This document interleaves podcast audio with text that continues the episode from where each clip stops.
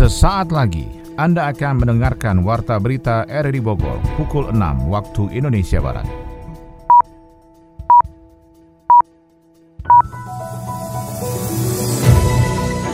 Selamat pagi dan salam jumpa. Kami kembali hadir dalam Warta Berita di edisi hari ini, Jumat 16 Juli 2021. Siaran ini bisa Anda dengarkan melalui audio streaming pada aplikasi RRI Play di smartphone Anda dan disiarkan Radio Tegak Beriman Kabupaten Bogor. Berita utama hari ini adalah pemerintah menyalurkan 300 ribu paket obat untuk pasien COVID-19 dengan target sasaran prioritas masyarakat miskin. Pemerintah akan segera membagikan paket vitamin dan obat untuk isolasi mandiri gratis di wilayah-wilayah yang berisiko. Sebagian besar anggota Perhimpunan Hotel dan Restoran Indonesia PHRI Kabupaten Bogor merumahkan karyawannya. Tapi pengusaha ya lagi nggak ada duit kan gitu. Paling ya relaksasi seperti apa paling gitu ya Pak. Itu ya. Dulu kan isolasi itu kan ditanggung oleh pemerintah awal-awal. Saya Mulane Starto, inilah Warta Berita selengkapnya.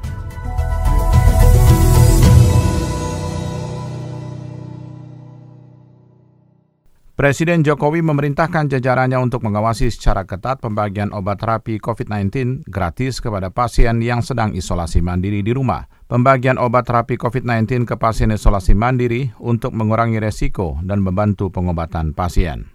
Dalam rangka mengurangi laju penularan COVID-19, kebijakan PPKM darurat tidak terhindarkan Pemerintah terus bekerja keras untuk meringankan beban masyarakat yang terdampak. Oleh karena itu, pemerintah memberi bantuan berupa bantuan bahan pokok sembako lewat PKH dan lewat bantuan sosial tunai, serta bantuan paket vitamin dan obat-obatan.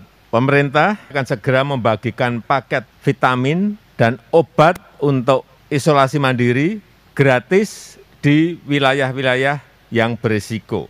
Untuk tahap sekarang ini yang akan dibagikan adalah 300 ribu paket untuk yang melakukan isolasi mandiri di Pulau Jawa dan Bali. Kemudian akan dilanjutkan dengan 300 ribu paket lagi untuk yang di luar Jawa. Ada tiga jenis paket obat isolasi mandiri yang kita bagikan masing-masing untuk tujuh hari. Paket satu, ini berisi vitamin untuk warga dengan PCR positif tanpa gejala atau OTG. Ini yang paket satu. Kemudian paket dua berisi vitamin dan obat untuk warga dengan PCR positif disertai keluhan panas dan kehilangan penciuman. Tapi untuk paket ini membutuhkan konsultasi dan resep dokter. Kemudian paket tiga berisi vitamin dan obat untuk warga dengan PCR positif disertai keluhan panas dan batuk kering. Paket ini juga membutuhkan konsultasi dan resep dari dokter.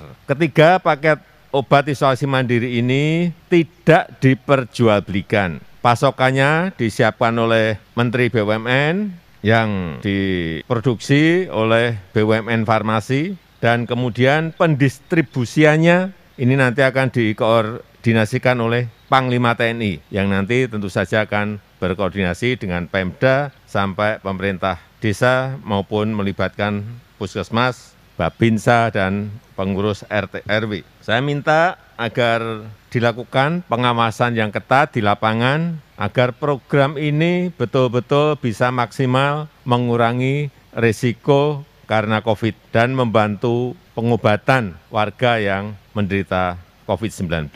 Dan saya minta juga agar program ini tidak mengganggu ketersediaan obat esensial terapi COVID-19 di apotek maupun di rumah sakit. Pemerintah Kota Bogor menerima bantuan oksigen dari swasta untuk membantu pemenuhan kebutuhan oksigen bagi pasien COVID-19 yang dirawat di rumah sakit. Laporan selengkapnya disampaikan Adi Fajar Nugraha. Fenomena krisis oksigen terus menjadi permasalahan yang terjadi seiring meningkatnya kasus COVID-19 di Kota Bogor. Pemerintah Kota Bogor melalui RSUD Kota Bogor terus menggalang bantuan dari pihak swasta untuk memenuhi kebutuhan oksigen di rumah sakit. Pada 15 Juli lalu, salah satu perusahaan pupuk di Jawa Barat pun memberikan bantuan dengan mengirimkan 4 ton oksigen untuk mengatasi krisis oksigen di Kota Bogor. Wali Kota Bogor Bima Arya mengapresiasi langkah pihak swasta untuk membantu dalam penanganan pandemi COVID-19. Menurut Menurut Bima, dalam satu hari RSUD Kota Bogor membutuhkan sekitar 1 hingga 2 ton oksigen untuk kebutuhan ratusan pasien COVID-19 yang dirawat. Dengan adanya pasokan oksigen ini, diharapkan dapat mengamankan kebutuhan oksigen hingga dua hari mendatang. Upaya kami untuk meminta bantuan ke semua pihak.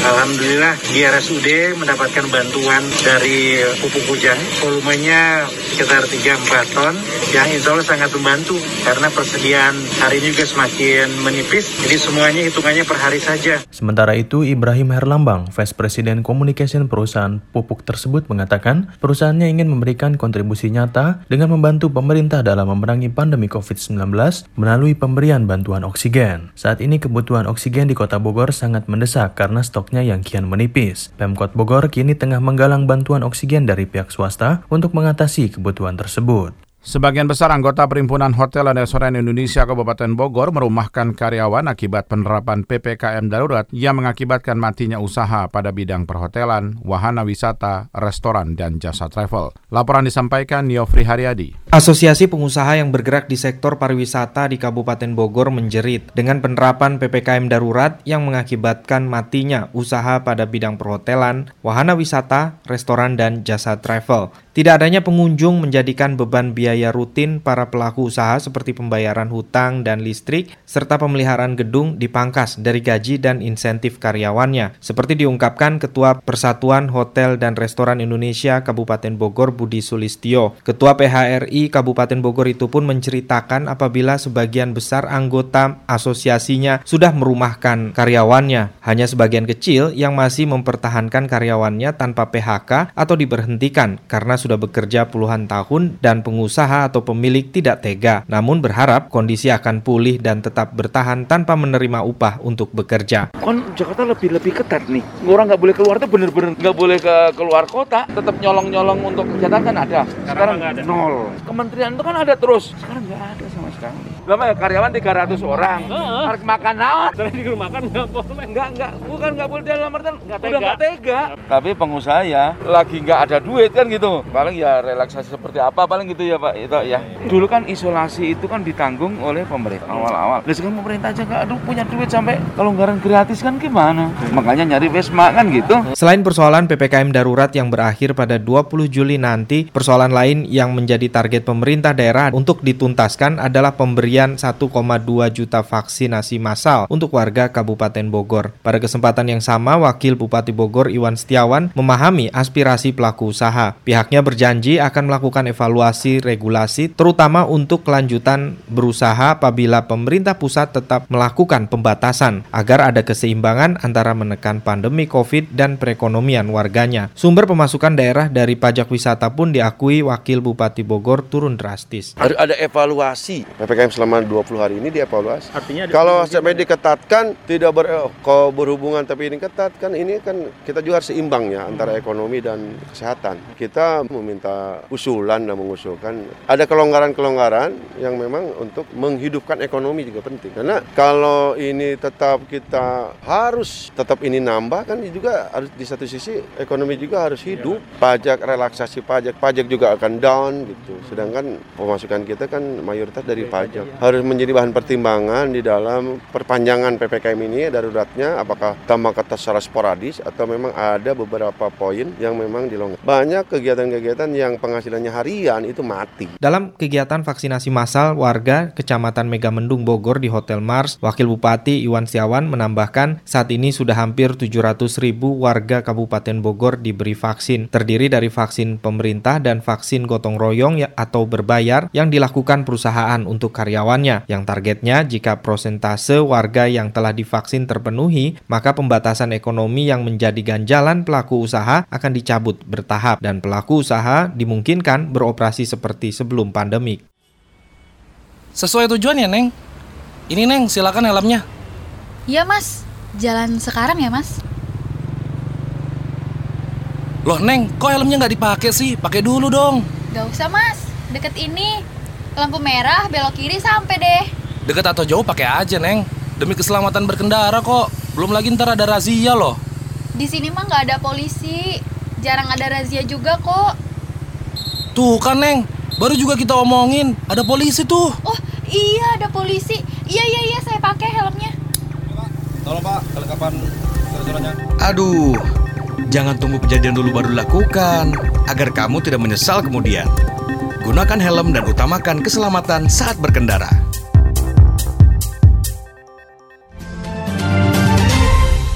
Ratusan relawan KNPI Kota Bogor melakukan pemantauan masyarakat yang melakukan isolasi mandiri di semua wilayah kelurahan dan kecamatan. Sony Agung Saputra melaporkan.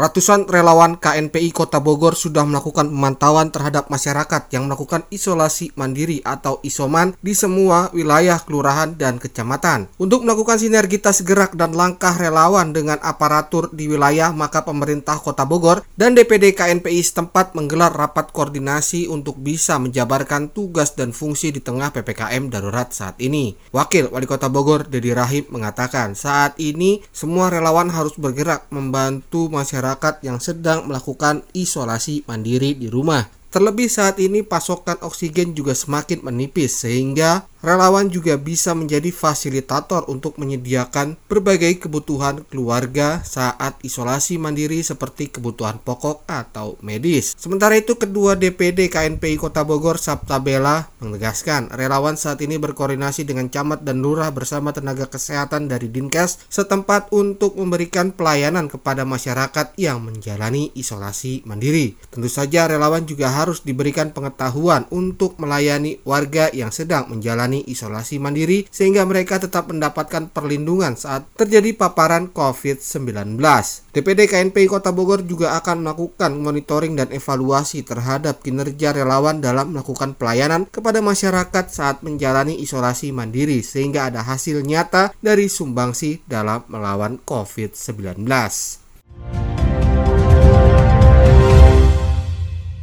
Kita beralih ke informasi lainnya. Pemerintah Desa Tangkil, Kecamatan Citerep, Kabupaten Bogor, bersengketa lahan dengan dua perusahaan obligor kasus bantuan likuiditas Bank Indonesia. Kita ikuti laporan Yofri Haryadi. Klaim lahan sengketa antara pemerintah Desa Tangkil, Kecamatan Citerep, Kabupaten Bogor, dan dua perusahaan bermasalah selaku obligor kasus bantuan likuiditas Bank Indonesia (BLBI) muncul ke permukaan. Kemunculan tersebut diadukan Kepala Desa Tangkil, Kecamatan Citerep, Aman Rusmana, atas klaim lahan warga di RW 2 RT 5 Desa Tangkil yang kini dibangun 84 rumah warga yang diklaim oleh PT SMPG adalah bagian dari akta jual beli tanah yang mereka beli awal tahun 2000 lalu yang kemudian dilanjutkan juga dengan pembelian lahan garap oleh PT PSP dengan luas mencapai puluhan hektar. Menghadapi somasi dan klaim lahan itu pun Kepala Desa Tangkil Aman Rusmana menjelaskan apabila tanah yang dimaksud oleh PT SMPG dan PT PSP yang kini diperkarakan adalah tanah rislah atau tanah ganti aset desa setelah membebaskan bidang tanah lain di wilayah itu dan semua tercatat otentik pada buku C kas milik Desa Tangkil Kecamatan Citerep Kabupaten Bogor. Ada 5, 1,6 hektar lahan dengan status tanah adat yang menjadi klaim oleh dua perusahaan yang kepemilikan dan manajemennya adalah sama. Tanah yang menjadi barang sengketa Dirjen Kekayaan Negara selaku pengelola barang milik negara adalah bagian dari sitaan negara dengan keseluruhan mencapai 245,7 hektar meliputi Desa Singasari dan Cibodas, Kecamatan Jonggol, Kabupaten Bogor. Ya diperjuangkanlah oleh para tokoh masyarakat pada saat itu. Salah satunya orang tua kami sendiri, yaitu yang masih alhamdulillah masih ada sekarang. Nah dikeluarkanlah itu dari PT PSP ini dengan luasan 5,6 ini yang sekarang kita tempati. Jadi rislah. Cuman sayangnya dari pihak perusahaan yang sekarang PSP klaim bahwa lokasi ini itu pemberian dari mereka. Padahal jelas-jelas itu tanah pengganti, bukan pasos pasung. Itu tanah pengganti. Kalau kewajiban mereka mengeluarkan pasos pasung itu belum sampai detik ini. Yang diklaim itu ada di RT 05. Ya tepatnya rumah saya juga. Meski berdalih sudah ada sertifikat, dua perusahaan pengembang dan properti tersebut yakni PT Putra Sentra Prasarana PSP dan PT Surya Mitra Perdana Graha SMPG masih berhutang fasos dan fasum untuk pengembangan kawasannya kepada pemerintah Desa Tangkil, Kecamatan Citerep, Kabupaten Bogor. Perkara perdata itu pun telah dilaporkan kepada bagian hukum Pemkap Bogor untuk diselesaikan. Pasalnya, di atas tanah tersebut selain berdiri pemukiman warga, juga kantor desa Tangkil, sekolah, dan jalan penghubung bagi masyarakat desa. Dari informasi ekonomi, Center of Economic and Law Studies memperkirakan Indonesia terancam resesi jika PPKM darurat diperpanjang. Buruh meminta pemerintah kembali menggulirkan program subsidi upah alias BLT gaji. Dua informasi itu terangkum dalam Info Ekonomi bersama Adi Fajar Nugraha. Skenario PPKM darurat diperpanjang hingga 4-6 minggu bisa saja diberlakukan oleh pemerintah. PPKM darurat ini memang mungkin saja diperpanjang lantaran varian Delta yang semakin mengganas. Wacana perpanjangan PPKM darurat ini juga didukung akibat terus melonjaknya kasus baru COVID-19 di Indonesia. Juru bicara Menteri Koordinator Bidang Kemaritiman dan Investasi, Jody Mahardi menyebut belum ada rencana PPKM darurat diperpanjang. Hingga kini pemerintah masih mengamati tren penurunan kasus COVID-19 guna mengambil langkah kebijakan selanjutnya. Sementara itu, pengamat ekonomi PEPS, Antoni Budiawan mengatakan PPKM darurat diperpanjang akan menyebabkan pertumbuhan ekonomi Indonesia resesi lagi. Menurutnya, pertumbuhan di tahun 2021 telah di bawah 2,5 persen, kondisinya bisa sampai nol bahkan negatif jika masalah pandemi tidak tertangani dengan baik. Senada dengan Anthony, Direktur Center of Economic and Law Studies, Bima Yudhistira juga memperkirakan Indonesia terancam resesi jika PPKM darurat diperpanjang. Ia menyebut pertumbuhan ekonomi Indonesia bisa minus 0,5 persen. Pemerintah harus mengantisipasi harga pangan dan distribusi pangan jangan sampai terganggu selama PPKM darurat. Selain resesi, jika PPKM darurat diperpanjang, bukan hanya akan memberatkan pusat perbelanjaan, namun seluruh sektor usaha di Indonesia juga dapat terkena dampaknya.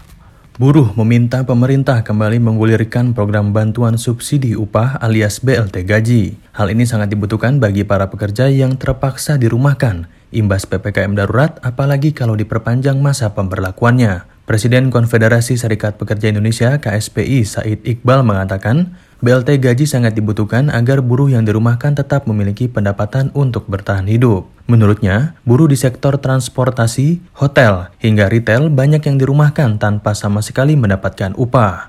Masalah pengupahan selama dirumahkan pun bermacam-macam. Said Iqbal mengatakan ada yang tidak dibayar sama sekali, ada juga yang dipotong 25 hingga 50% gaji per bulannya. Namun memang masih ada yang dibayarkan 100% gaji bulanan namun tanpa mendapatkan tunjangan. Bukan hanya saja buruh, pengusaha pun sudah meminta pemerintah kembali menggulirkan gaji BLT. Perhimpunan Hotel dan Restoran Indonesia meminta program ini dijalankan kembali sebab karyawan hotel dan restoran sangat terdampak PPKM darurat. Ketua BPD PHRI DKI Jakarta Sutrisno Iwanto berharap ada dukungan dari pemerintah melalui payung hukum mengenai pemberlakuan unpaid leave, multitasking, serta pengalian atas perjanjian tenaga kerja waktu tertentu menjadi tenaga kerja harian. Assalamualaikum warahmatullahi wabarakatuh. Saya Arif Satria, Rektor IPB Mari bersama RRI Radio Tangga Bencana COVID-19. Kita tingkatkan sikap disiplin untuk menjaga diri, keluarga, dan masyarakat sekitar kita untuk melaksanakan protokol kesehatan dan pola hidup sehat. Mari kita tingkatkan kekompakan kita untuk menghadapi bencana pandemi COVID-19 dengan penuh optimis. Semoga pandemi COVID-19 segera berlalu.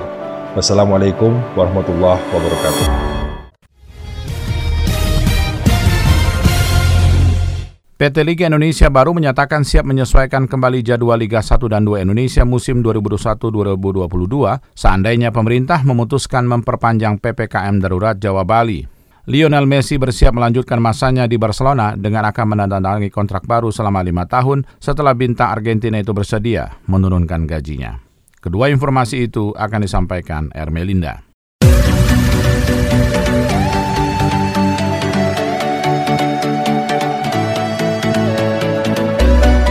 PT Liga Indonesia Baru LIB menyatakan siap menyesuaikan kembali jadwal Liga 1 dan 2 Indonesia musim 2021-2022 andai pemerintah memutuskan memperpanjang PPKM darurat Jawa Bali.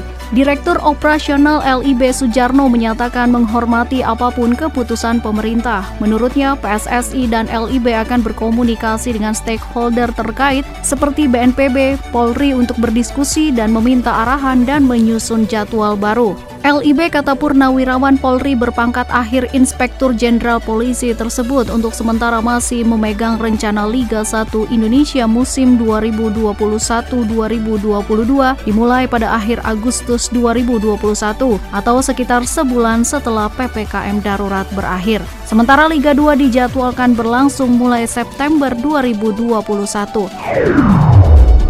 Dari luar negeri, pesepak bola Lionel Messi bersiap melanjutkan masanya di Barcelona dengan akan menandatangani kontrak baru selama lima tahun setelah bintang Argentina tersebut bersedia menurunkan gajinya. Messi yang menjadi pencetak gol dan pemain paling sering membela Barca sepanjang masa tersebut sedianya sudah mengakhiri hubungan selama 21 tahun dengan klub tersebut bulan lalu dan saat ini berstatus bebas transfer setelah kontraknya sebelumnya sudah habis. Messi baru saja menjuarai trofi internasional besar pertamanya bersama Argentina setelah mengalahkan seteru berat Brazil dalam final Copa America. Messi dipilih sebagai pemain terbaik turnamen tersebut bersama dengan Neymar setelah sama-sama menjadi pencetak gol terbanyak dengan 4 gol. Messi juga menciptakan asis terbanyak dengan 5 asis.